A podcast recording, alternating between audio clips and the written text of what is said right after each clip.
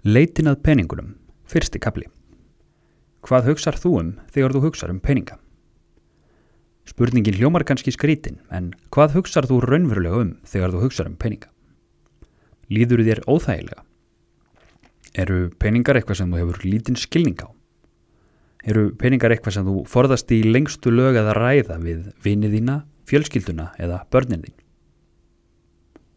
Helst er kannski illa á peningum? Þetta eru allt spurningar sem þú hefur áreðanlega aldrei spurt þig en ættir að spyrja þig.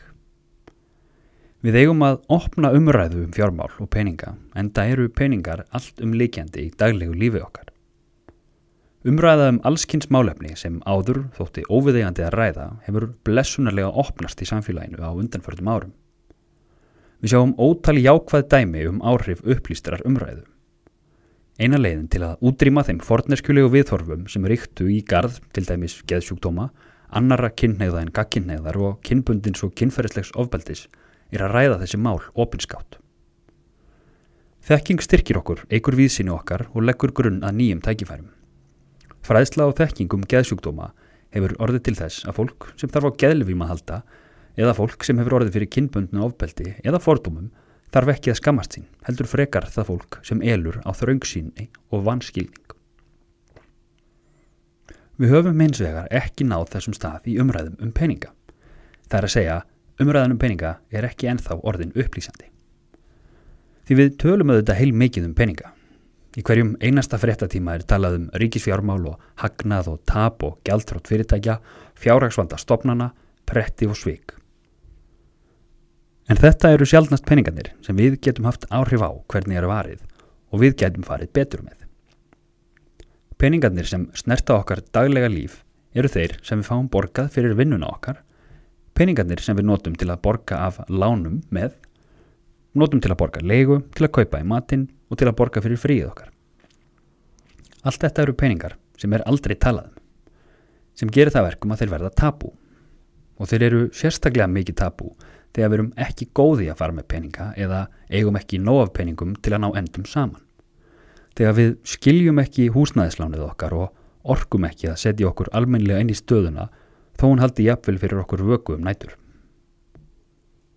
Það að fara með peninga er að taka þátt í lengsta leik í heimi, leik sem hefst á barnsaldri og líkur þegar við deyjum.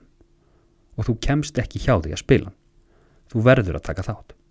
Og þá er eins gott að setja sig aðeins inn í hvernig spilið virkar og hvernig leikreglunar virka. En byrjum á að skoða viðhorf okkar til peninga og hvaða áhrif þau hafa. Í rannsókninni Big Money Test sem BBC í Englandi framkvæmdi voru yfir 100.000 englendingar spurðir um viðhorf þeirra til peninga. Í ljós kom að sálfræðilegir þættir geta haft mikil áhrif á árangur í fjármálum. Niðurstöður rannsóknarinnar má áreðanlega heimfæra hingað heim og það er benda til að það megi flokka fólk í fjóra hópa út frá viðhorfum þeirra til peninga. Stöðutákn Fyrsti hópurinn lítur svo á að peningum fylgji völd og staða. Fólkið upplifir að það að eiga peninga seti það í forréttindastöðu og að það hafi náðu lengra en aðrir. Vandin við þetta viðhorf er að það krefst þess að fólki að það síni að það eigi peninga það er oftast gert með því að eigða peningum. Merkjavara, dýrir bílar og dýri lífstíl sem er öllum sínilegur á samfélagsmiðlum og gödum úti benda til að viðkomandi líti á peninga sem mæli hverða á velgengni og að hann eða hún hafi að eigin mati náð langt í lífinu. Þessi lífstíl er oft dýruverði keiftur og ósjaldan með dýru landsfíja. En það skiptir það þetta fólk í raun meira máli að sínast ríkt frekar en að vera það í raun og veru. Rannsóknin bentilóks til að fólk sem lítur á peninga sem valdatæki og stöðutákn er í meiri hættu að lenda í fjárhagsvandræðum en annað fólk. Gjafmildi Annar hópurinn lítur svo á að hann geti haft áhrif á líf annara með peningagjöf. Með því að gefa öðrum þá virkilega sjáu fólk gildi peninga. Peningar eru því einhvers konar tákmynd um væntum þykju og ást. Með því að gefa peningagjafir sínir þetta fólk, öðru fólki, hversu miklu máli það skipti. Þetta er á vissanhátt göfugt og gott viðhorf en það getur líka verið varasamt. Börnum sem fá yðurlega allt það sem hugurinn gerðnist farnast sjaldan vel síðar á lífsleginni. Þau fara át í lífið með það viðhorf að peningar séu aldrei af skortum skamti og að allt komi fyrirhafna laust upp í hendunar á þeim. Að samaskapi vilja flest börn miklu frekar verja tíma með foreldrum sínum frekar en að fá dýrar gjafir eða flotta hluti. Það er ekki gott veganesti út í lífið að halda að við getum bætt upp skorta og ást og umhegjum með gjöfum. Það er auðvitað í fínulagi að gefa fallega á dýrar hluti en það kemur ekki í stað alvöru tengsla og tilfinninga. Þriðjuhópurinn sækir í fjárhagslegt öryggi og líður ekki vel ef uppi er óvisa í fjármálum. Skortur á peningum eða óttin við skort á peningum getur auk þess vakið hjá þeim erfiðari tilfinningar heldur en gengur og gerist. Það er góð tilfinning að vita að maður eigi fyrir útgjöldum til nokkura mánada ef eitthvað óvænt kemur upp á eins og atvinnumissir. Þetta fólk er oft fólk sem hefur liðið skort á grunntörfum í æsku eða sá fóröldra sína berjast fjárháslega í bökkum. Það kemur kannski ekki óvart að rannsók BBC gefur til kynna að það fólk sem keppist við að tryggja öryggisitt í fjármálum er síður líklegt til að lenda í fjárhásvandrað. Sjálfstæði Fjórði og síðasti hópurinn lítur svo á að peningar veiti honum sjálfstæði. Þetta viðhorf er eitthvað sem ættum flesta stefna að til að vegna betur í fjármálum. Þannig er hægt að setja peninga í samhengi við tíman sem það tekur að afla þeirra og líta á peninga sem tæki sem getur unnið fyrir okkur og um leið skapað okkur tíma til að gera það sem við gefum okkur ekki tíma í en viljum gera. Með fjárhaldlegu sjálfstæði getum við minga við okkur vinnu eða jafnvel hætt í vinnunni, lækkað í launum, farið í nám, flutt erlendis og heilt yfir tekið ákvarðanir sem gera líf okkar innihalsaríkara og okkur hamingjusamari án þess að peningar setja okkur stólinn fyrir dyrnar. Með fjárhaldlegu sjálfstæði getum við innan skinsamleira marka tekið ákvarðanir út frá því sem okkur langar að gera og því sem veitir okkur mesta gleði.